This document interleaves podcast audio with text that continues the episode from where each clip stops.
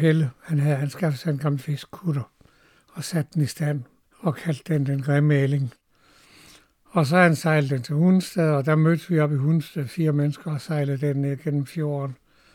Og det var faktisk første gang, jeg var ude rigtig at se fjorden.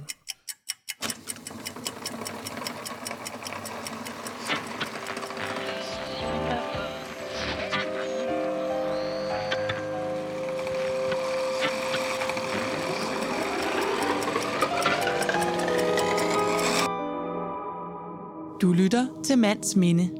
Et program om vores fælles fortid, fortalt af dem, der kender historierne bedst. Produceret af Nationalpark Skjoldungernes Land. Jeg hedder Erik Hansen, og jeg er nu 83 år og på det sidste. Og ja, det vi skal snakke om i dag, det er jo som mine aktiviteter i naturen gennem 40 år. I dette mands mindeprogram skal du møde Erik Hansen, som har brugt en stor del af sit liv ude blandt ænder, terner og måger på Roskilde Fjord. I mere end 40 år har han talt fugle på fjorden. Han har ringmærket og vingemærket tusindvis af fugle. Han har jagtet rotter, både på lovlig og ulovlig vis. Han har målt sigtbarhed og meget andet. Erik Hansen døde i december 2019. Interviewet her er lavet kort tid før han flyttede på hospice. Han fortalte i tre timer med et lys i øjnene, som var han en ung mand, der når som helst kunne springe på kutteren og sejle ud blandt ynglefuglene på Roskilde Fjord. Interviewet er blevet til to lydfortællinger, og denne er del 1. Her fortæller Erik Hansen om arbejdet med at tælle fugle.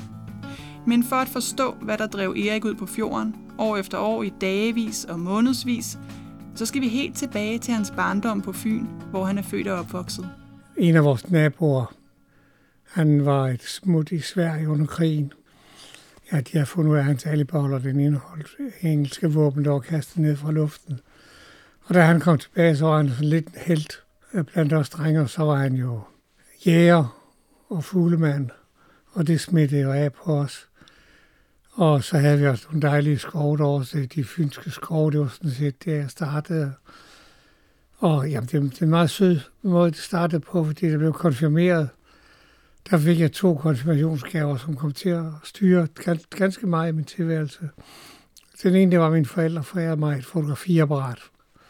Men det andet, som jeg nok var mere særpræget, det var min tante, øh, som havde set, at jeg var interesseret i natur. Hun gav mig en højst usædvanlig konfirmationsgave, fordi hun gav mig en øh, doktorafhandling, der lige var udkommet om duehøens ynglebiologi. Og vi var en øh, to drenge, eller måske fire, hvis vi regner det tynde med, men i hvert fald to drenge, som kopierede hans undersøgelser. Vi byggede hytter, hvor vi klokken tre om natten startede, startede med at, at ligge ud i skoven og føre journal over, hvad, hvad du de foretog sig, og hvordan de levede. Og ja, en af de helt store ærgelser i min tilværelse, det er, at den journal den er gået tabt. Erik Hansens egen journal om duehøens ynglebiologi den går tabt, da livet tager ham til København for først at være soldat og sidenhen at studere til civilingeniør. Senere flytter han videre til Roskilde for at arbejde på Risø, og kort efter bosætter han sig i Kornerup. I omkring 40 år arbejder Erik Hansen på Risø som EDB-medarbejder, og her får han adgang til nogle på det her tidspunkt ret avancerede datamaskiner. Samtidig omkring 1971 melder han sig ind i Dansk Ornitologisk Forening, hvor han bliver involveret i Atlas-projektet. Projektets mål var at kortlægge Danmarks ynglefugle, simpelthen ved at få frivillige som Erik Hansen til at gå ud og tælle og notere. Det var en stor opgave, hvor Danmark blev opdelt i, jeg tror det var 2100 kvadrater på 5 gange 5 kilometer. Og for hver af de kvadrater, der var der jeg tror, der var 170 mulige fugle. Ham, der havde lavet det, han sagde jo så altså på nogle lapper papir og prøvede at holde regnskab med det. Og der havde jeg så en kvalifikation, som var meget sjælden på det tidspunkt, fordi jeg var systemingeniør på Rigsøs nye datamaskine, som var et stort, meget med datiden, der var et meget stort anlæg. Og der var så Rigsøs direktion så velvillig, så de sagde, jamen altså, jeg kunne godt bruge Rigsøs udstyr uden for normal arbejdstid, hvis det ikke stod i vejen for og Rigsø skulle lave arbejde, så i weekenderne, der kunne jeg tage ud og tænde for vores dataanlæg. Og så skrev jeg programmer til at holde orden på alle de oplysninger om de der tusinder fugle. Jeg, jeg har ikke talt på det i dag, det er længe siden. Men det blev i hvert fald til, at, øh, at min ven Tommy Dybro der, som var leder af projektet, han fik så samlet alle de tal, og vi fik dem organiseret. Han fik skrevet en, en bog. Så var det så rygtet ind på Zoologisk Museum, at der var altså en mand, der kunne noget, som ikke ret mange kunne på det tidspunkt. Vi var jo nogle ganske få mennesker, der vidste noget med EDB på det tidspunkt. Og, øh, Hvornår er vi? Hvilket årstal? Ja, vi er omkring 374. Og der var et andet projekt, som kørte på Zoologisk Museum, og det var virkelig startet meget længe før. Det var startet i isvinteren 1963, hvor min kammerat Pelle Andersen Haril, som altså er makker i det her projekt, og står her i det er meget central person også. Det var faktisk ham, der startede, det er mig, der kom som påhænget. Og han var i gang med at have fået lov til at Zoologisk Museum at foretage en meget kort, stor kortlæng af de danske knopsvaner, eller de danske svaner, men det er knopsvaner. Næsten alt sammen. Og øh, han stod også med det problem, at han fik en forfærdelig masse data, fordi, ja, nu er jeg ude på tynd is med tallene, men øh, det er langt på den anden side million, en million aflæsninger og opmærkninger af knopsvaner. Og det går han heller ikke godt styr på på sin lap og papir. Så det blev altså til, at jeg blev involveret i det projekt og skulle være med til at registrere alle disse mærkninger med oplysninger om vægt og størrelser på fjer, svingfjer og hvad ved jeg. Og det skrev jeg så et program til, som vi kørte i, i mange år ind frem til, øh, ja, faktisk frem til omkring år 2000 var det hvor vi kørte det på Rigsøs datamaskine på meget venlige vilkår fra Rigsøs direktion. Og så var jeg altså en af mine betingelser for med i det der, det var jeg ikke, vi bare ville sidde og være EDB-mand, i også med i felten. Og dermed kom jeg ud på Roskilde Fjord.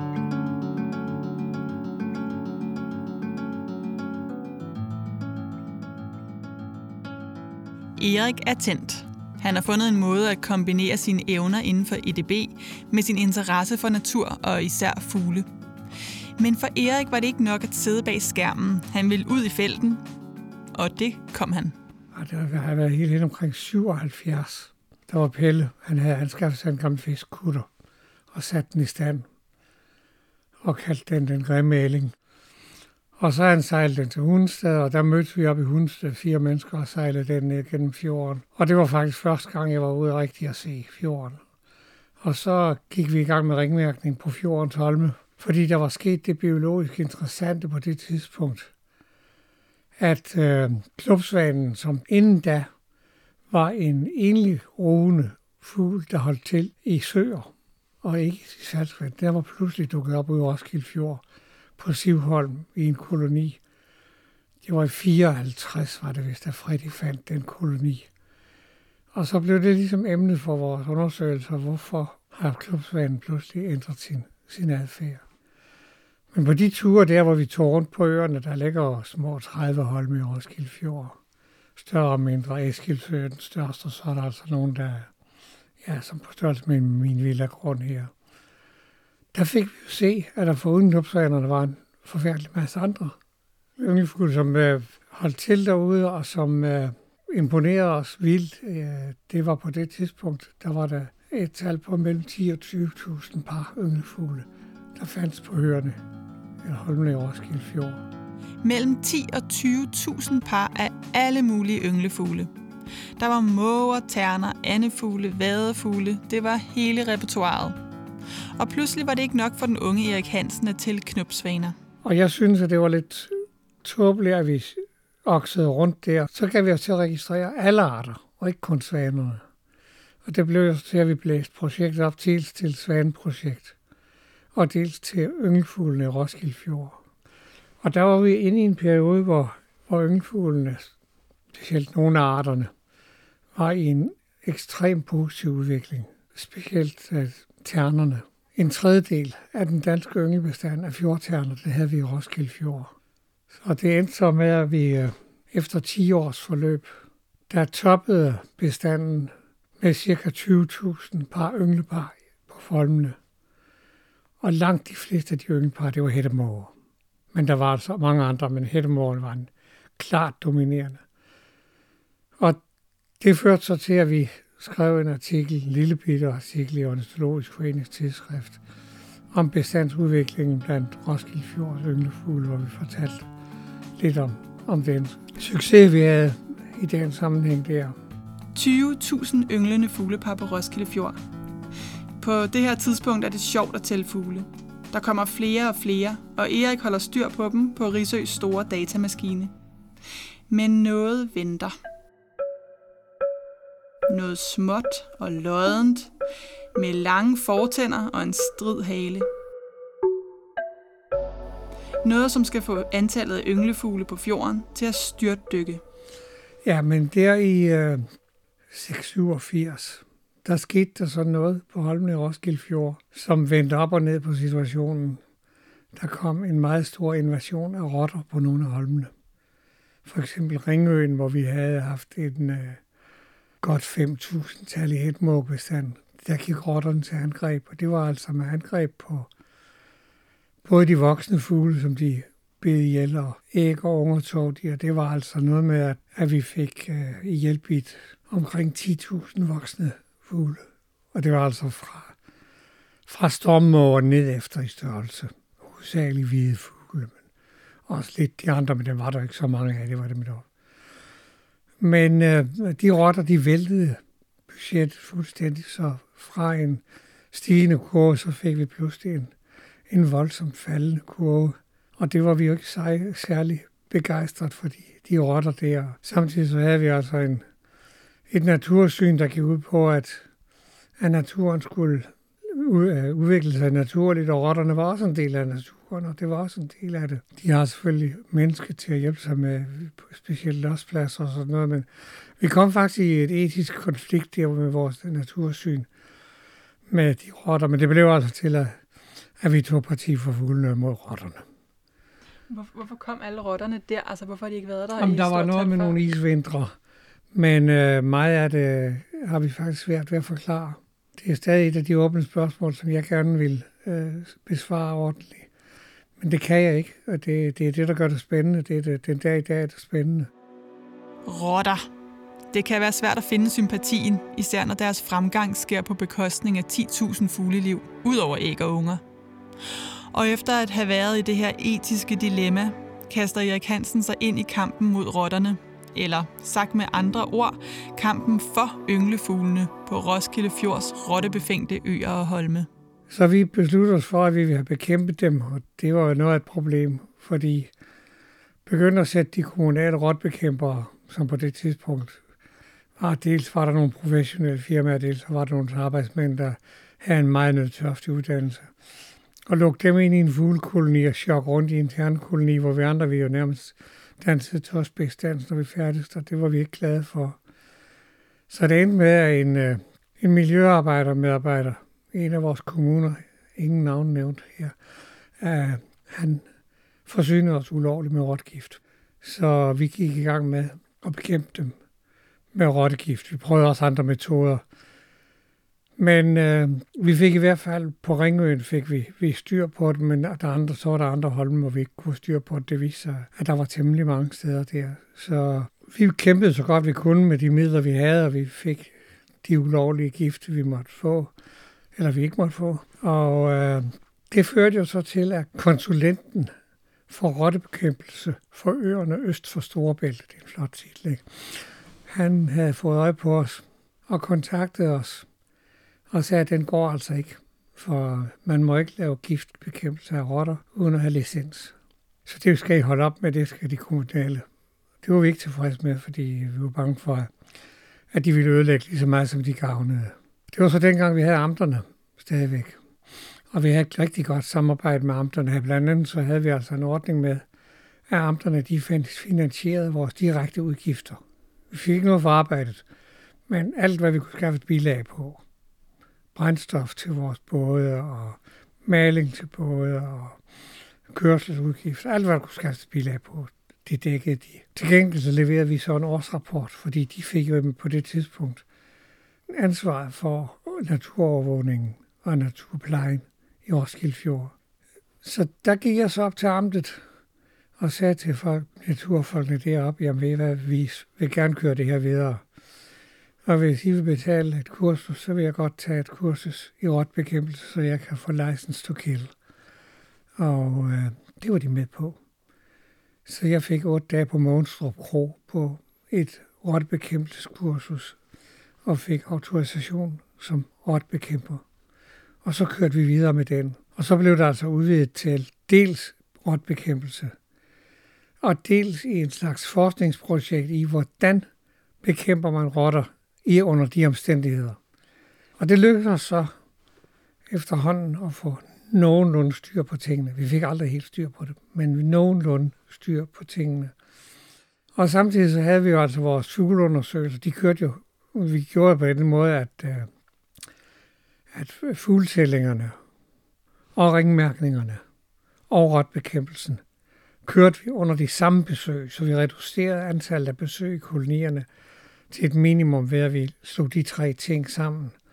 Og det gjorde altså, at vi kunne lave det med ret beskidende skader på kolonierne, fordi der er ingen tvivl om, at det at skulle bekæmpe rotter i en rotkoloni på en holm, det kan ikke laves uden, at man laver ulykker derude også ved det. Men altså man træder her til på en redde, men det, det var i småtingsafdelingen, og vi blev helt dygtige til det, synes vi det selv. Ja, der foregår altså flere ting på én gang i de her år. Erik Hansen og Company ringmærker fugle, tæller fugle og bekæmper rotter. Alt sammen dokumenteres nøje, og de dygtiggør sig hele tiden. Det er kendetegnende for Erik Hansens arbejde, at han er grundig til at dokumentere, og han ønsker, at andre kan drage nytte af de erfaringer, som holdet her på Roskilde Fjord gør sig. Det handler om at skabe viden, som de selv og andre kan bygge videre på. Jeg lurede på at få lavet en publikation øh, efter 25 år. Og på det tidspunkt, der var der sket en masse på EDB-området. Der var kommet internet, og der var kommet hjemmesider. Og øh, så gik jeg i gang med at forberede det, og det var mest mig, der lavede det.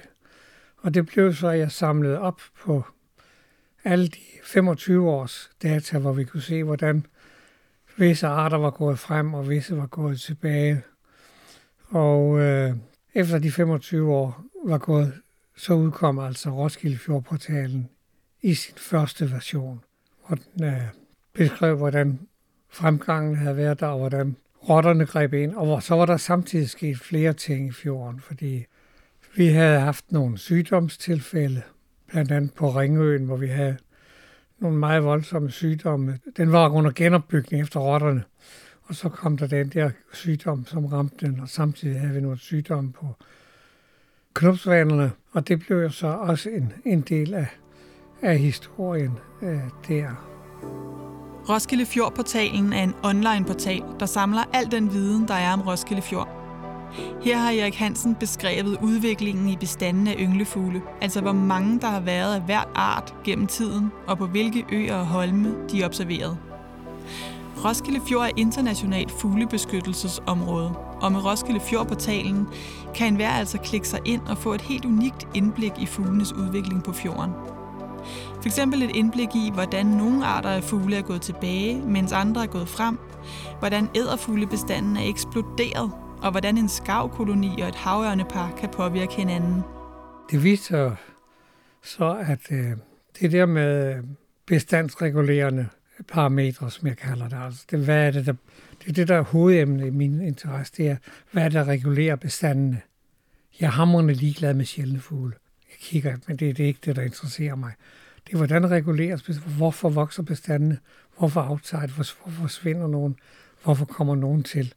Og der viste det sig altså, at vi kunne påvise, at der var arter, der gik voldsomt tilbage, og vi kunne påvise nogle årsager, blandt andet sygdommene der, og rotterne, det var de, de to store.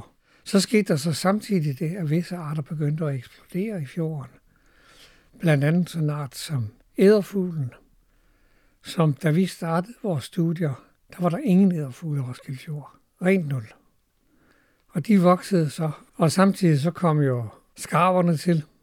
De kom jo også der i midten af 80'erne og etablerede en koloni oven i den gamle hejerkoloni, som havde været ude på Bones i mange år. Og de voksede næsten med en tredobling om året. Og det fik så en sjov afslutning, fordi så kom jo vores sidste tilkomst, nemlig havørnen, og slog sig ned halvt en hel kilometer fra skavkolonien. Og når en havørn har unger i redden, og der ved siden af ligger en skavkoloni med store fede skavunger, så er det altså simpelthen søndagskyllingen, der er serveret. Så i dag, der er vores skavkoloni, for efter at have været op på omkring 800 par, så er den nede på under 50 par. Det er ikke det, at havørnen har ædt dem alle sammen. Men utrygheden ved at have en havørn som nabo har gjort, at skavkolonien er gået i bund, og det samme er herrekolonien. Og det var så også nogle spændende historier, der kunne fortælles. Skaverne flyttede op til Selsø eller op ved Aresø, og i dag lever der tre havørne par ved Roskilde Fjord. Her spiser de fisk, f.eks. hornfisk, når det er sæson for den slags, og de spiser fugle. I vinterhalvåret, ja, der var det, der var det de svage fugle, det gik ud over, specielt blisønsene. Men det var alt, hvad der var. Var der en, lå der en svane var ved at krepere, jamen, så kastede de sig over også der. Men æderfuglen har de ikke rigtig kunne få ned. Det undrer mig, fordi det er en, en af havørnenes yndlingsspiser, men øh, det kunne vi så bygge noget op omkring der til sølvbryllups publikation. Og Sølvbryllupspublikationen, det er simpelthen Roskilde Fjord-portalen, lanceret efter et 25 år langt, oftest kærligt forhold mellem Erik Hansen og Roskilde Fjord. Så kom øh, amterne ind på et tidspunkt og sagde, at de ville da godt have den opgraderet. Så i 14 opgraderede vi endnu en gang, og i 17 der kom øh, så skjoldungernes land ind i billedet, og vi var med til at opgradere. Og det sidste er altså, at øh, i den kommende uge forventer jeg, at version 6 kommer på med 42 års naturovervågning. Og det er, det er noget, man godt kan prale lidt af. Min ambition, det var jo, at vi efter en år, altså 40 eller 42, hen er vejen nu, at der har vi lavet så, så stort et arbejde med at samle de data ind, så de måtte ikke gå tabt. Så ambitionen var jo sådan set at putte alle de data, vi havde, ind i en måde, hvor det blev tilgængeligt for Gud og være mand. Og den ambition lykkedes, for alle de mange data er tilgængelige og vil være det i fremtiden på Roskilde Fjord-portalen, som har hjemmesideadressen frederikssund1.dk-roskildefjord. På Roskilde Fjord-portalen er som sagt en masse data om de mange arter af ynglefugle. Kurver viser, hvordan bestandene er udviklet sig, og ved hver eneste art kan man finde et kort, hvor smiley'er angiver, hvordan denne her art har udviklet sig i antal på de enkelte øer og holme rundt omkring i Roskilde Fjord. På den måde kan man hurtigt få et overblik over de store datamængder. Når der sker pludselige fald i antallet af ynglefugle, så kan det også sammenholdes med de begivenheder, der har været, f.eks. da rotterne raserede, eller da sygdomme ramte.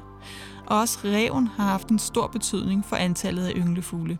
Altså for eksempel kan vi tage Eskilsø, hvor der er en bullerne tilbagegang. Og den skyldes øh, forekomst af ræve. Det nævnte jeg ikke, da vi var ved rotterne og, og sygdommene, men revne har, specielt på Eskilsø, som er noget større ø, er ødelagt. Det er ganske voldsomt. Og det kan vi se, forekomsten af revne på Eskilsø, den falder sammen med, at æderfugle og måger og ja, faktisk alle arter gik vildt tilbage. Og nu her for to år siden, der fik Jylling jagtforening, vist nok bugt med revne. Jeg vil nu se det et par år endnu, inden jeg tror helt på det. Men øh, der kan vi så se, at nu er de begyndt at gå op igen. Blandt andet så er klyden, som vi har en meget flot bestand af derude. Den er altså på vej op, og har i hvert fald de sidste to år vist fremgang. Og det har den meget svært ved, hvis der er rev. For revene, de tager jo nat, hvor de træsker øen rundt og samler op, hvad de kan finde af mus og rotter og fugleunger og hvad der ellers er, er godt. Men det samspil der i, imellem smiley og bestandsudviklingskurver, og så i nogle tekstkommentarer, der prøver på at forklare det, giver så helhedsbilledet i det. Og jeg skal lige nævne, at jeg har faktisk haft en halv snes mere løst tilknyttede hjælpere, som er unge mennesker, der er kommet og, og være interesseret. Jeg har sagt, jamen hvis du er virkelig interesseret, så kan du komme med mig ud og være håndlanger. Og de har altså ikke, de har ikke holdt sammen på tingene. Men de har været håndlanger, ikke noget skal vinge, vingemærke et kul svaneunger. Det er sådan en lille klips, man sætter i forkanten af vingeskinnet. Ganske harmløs. Så kommer fatter altså og giver en tæsk, fordi man ligger på knæ med alle de her unger ned mellem benene og holder sammen på dem, og de spejler, og man skal koncentrere sig om ikke at skade dyrene. Og der er det også rart at have en til at holde fatter lidt på afstand, for ellers så, så er der tæsk simpelthen. Hvordan tæsk? Den kommer med vingen og slår dem hårdt ned med vingen på en. Han er den mest aggressive, men også hunderne. Og der, jamen der kan de hjælpe, og når man skal føre noter, så have en bogholder til at føre, føre bøger om, hvad, hvad vi skriver ned ved koloni, eller urkolonien. Jeg tror, det var ned på 15 par, og op på 96 par. Da den pludselig kom op på 96 par, den var også sjov. Mm. Fordi det kom faldt sammen med det år, hvor der var en rev, der ryddede kolonien inde på Svalø på Risø. Og det var simpelthen fuglene, for derindfra de flygtede fra Svaløen, altså svanerne, og en stor del af dem kom ud på Eleor. Så vi fik en invasion fra Risø og ud på, på Eleor. Der var en af mine venner, han, han jeg har ikke kontakt med ham mere, men han øh, var også interesseret, så han fandt ude på Rigsø en revgrav. Og nu havde han tidligere været ude på Svaløen for at tælle op. Vi tæller og tæller, det manerer. Og der har han så også skrevet den dato, han havde fundet æggene på. Der var ude med en speedmarker, det kan man godt undre, de tager skade af det. Og næste gang han kom til revgraven, der fandt han de æg med påskrevet dato, som han havde mærket ude på Svaløen. Og der er det en periode været sydøstenvind, så der har været så lavvandet, så Mikkel han kunne soppe derud. Og han havde taget æggene med hjem til at fodre ungerne med. Og det så vi så dels den effekt, som Morten fandt der, og dels øh, så, øh, så vi effekten med, at de, de flyttede til LO. Det er også en af de sjove ting. Det opdager man jo kun, hvis man arbejder kontinuert med det. det. Det finder man ikke af at være med på en enkelt fugletur. Det er vigtigt at følge fuglene over tid for at forstå, hvilke dynamikker, der påvirker udviklingen, enten fremgang eller tilbagegang blandt bestandene på de enkelte øer. Og takket være Erik Hansens store arbejde, ligger der rigtig meget data på Roskilde Fjordportalen, som er sorteret og sat op, sådan at alle kan gå ind og få et overblik. Udover undersøgelser af fuglebestandene, er der på portalen også resultater fra en lang række andre undersøgelser, f.eks. studier af vegetationen på fjordens øer og holme, og studier af skavens fødevalg. Blandt andet så var der en biolog, Paul Hall Mortensen, som øh, beskæftigede sig med Danmarks skarver, fordi det er skarven genindvandret efter den har været udryddet næsten, var jo ekstremt spændende. Så han undersøgte skarvkolonier, dels hvordan de blev opbygget, og dels interesserede han sig for skarvernes fødevalg. Og det foregik ved, at han fik både sig selv, men altså også fyre som mig og, og andre interesserede, til at gå en tur i skarvkolonien der i øh, maj måned og samle gylp op. Og de gylp blev så i vinterens mulm og mørke separeret, og benstumperne blev taget ud af dem, så man kunne se, hvad skarverne havde levet af. Og der har jo fiskene en meget spændende knogle, øreknoglen, som er sådan en sten, hvis du har spist stor torsk, så er der muligvis leget det lignende sådan en lille æg.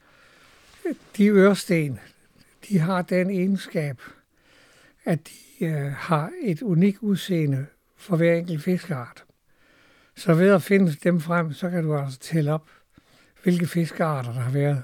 Og hvis du øh, vejer eller måler dem, så kan du finde ud af, hvor stor og hvor gammel fisken var, da den blev taget. Og hvis du skærer et snit igen, så kan du tælle overringen. Så han fik jo et ekstremt spændende materiale der, og det tyvstjal jeg så og lagde ind på. Det ligger også godt nok gemt til side, det ligger på Roskilde Fjordportalen. Denne konkrete undersøgelse af skavens fødevalg viste, at opgjort i vægt, så består omkring en tredjedel af føden af ål, en tredjedel af hundestejler og derudover blandt andet også en stor mængde hornfisk. Der ligger mange andre sjove studier, men der er også masser af viden, som mangler, fordi ingen endnu har lavet undersøgelserne. jeg drømmer om, men det får jeg ikke. Jeg får ikke op. Jeg ikke, om det er nogen, bliver opfyldt. Det var altså for en, en kortlægning af, af fjordens bestand af ikke-konsumfisk. Altså tangnål og tangspejl og hundestejle, og jeg skal komme efter dig. Fordi øh, det er der ingen, der interesserer sig for. Der er godt nok er til forsøgt, men det er altid noget med nogle projekter. Men det, der interesserer mig, det var bestandsudviklingen. Hvordan bestandene betyder noget for hinandens fødegrundlag. Og når man er rugstuderende, så har man tre måneder til et eksamensprojekt, og så skal det afleveres. Og det får man jo altså ikke lavet bestandsudviklingsundersøgelser på. Det har vi været 42 om, og om andre været længere om det. Så det og bundvegetationen har den samme situation, at det er svært at finde ud af. Men vi har dog fået én ting ud af vores undersøgelser. Bundvegetationen har vi ikke kunnet magte. Men på et tidspunkt, jeg kan ikke huske hvornår, der blev det til, når vi sejlede et ganske bestemt sted forbi, hvor vi sejlede forbi med kutteren hver gang vi lagde ud. Der smed vi en sækkeskive i vandet. Det er en hvid plastikskive på 25 cm diameter med et blylod og nogle knuder på snoren. Og så sænker man den ned, til man lige netop ikke kan se den mere.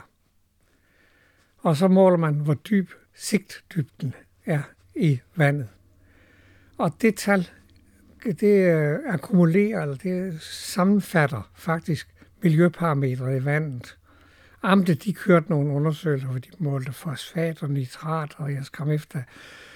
Men øh, den, øh, den her undersøgelse, den gav en meget detaljeret beskrivelse af vandets kvalitet. Fordi vi sejlede så tit. Det var næsten ugenligt, hvad vi passerede det punkt. Samtidig var det tiger, ikke?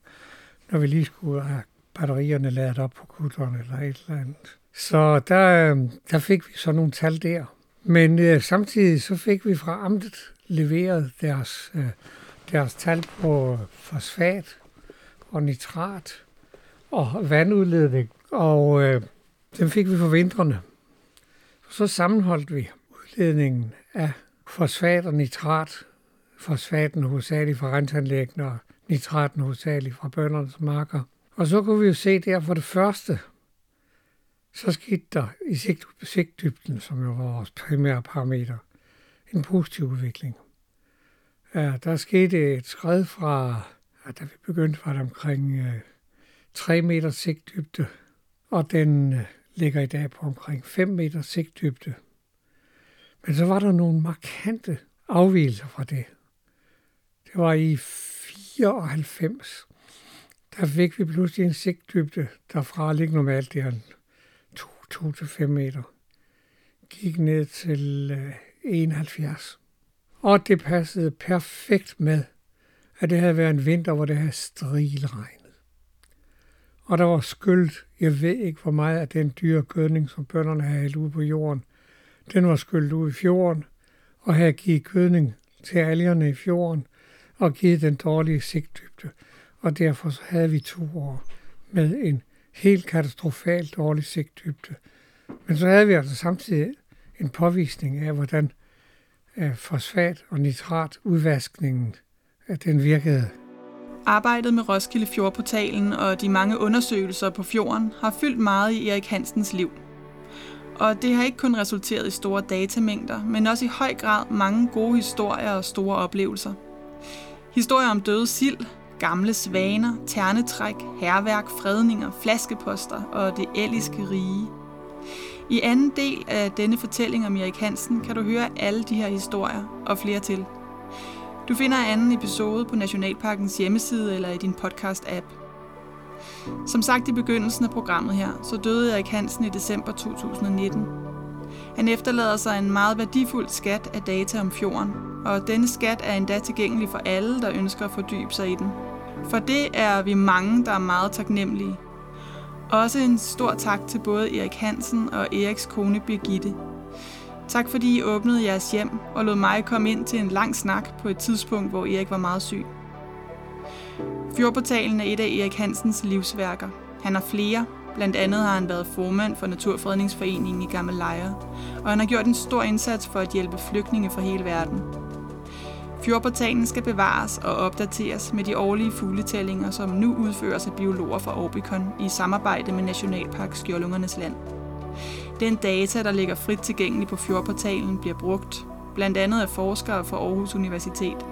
Og det var netop et af Erik Hansens ønsker, at fjordportalen bliver brugt og bevaret for fremtiden. Det betyder, at de undersøgelser, vi har lavet i fjorden, også bliver fuldt op også bliver publiceret, fordi så store undersøgelser, de er altså lavet for at blive brugt øh, til noget. Til det formål, der har jeg sørget for, at der på portalen ligger godt nok gemt godt til side. Man skal lede efter dem, de der professionelle gør det. Der ligger Excel-regneark med alle vores primære data. Så alle primære observationerne ligger der. Og så har Aarhusfolkene fået alle de kort, der kommer ud og sejler rundt langs kysten, hvilket par lå der, og hvor mange unger havde de, og så videre. Og det er så også tilgængeligt. Så der ligger en hel del ubearbejdet rådata, som nogle eksamensprojekter, eller phd studerende eller hvad ved jeg, måske kan få glæde af at fylde op. Problemet er bare, at de synes, feltarbejdet er meget sjovere end øh, skrivebordsarbejdet. Det er det altså ikke, når man rigtig kommer ind i det, så begynder det faktisk at blive. Men i starten og halvvejs hen, der er det feltarbejde, det er, det at komme ud og have fingre i en, en gammel galhovedet svanehan og sætte ring på den og, og, og mærke ungerne og, og se øh, de små el-svællinger komme ud af, af æggene. Det er jo det spændende, når man så sidder derhjemme med, med regnark.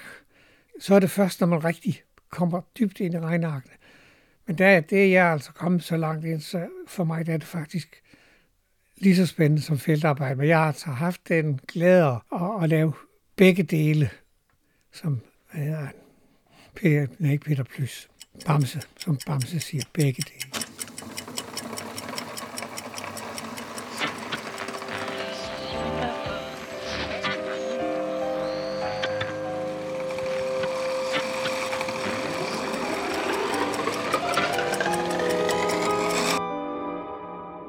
Du lyttede til podcasten Mands Minde, produceret af Nationalpark Skjoldungernes Land. Tak fordi du lyttede med.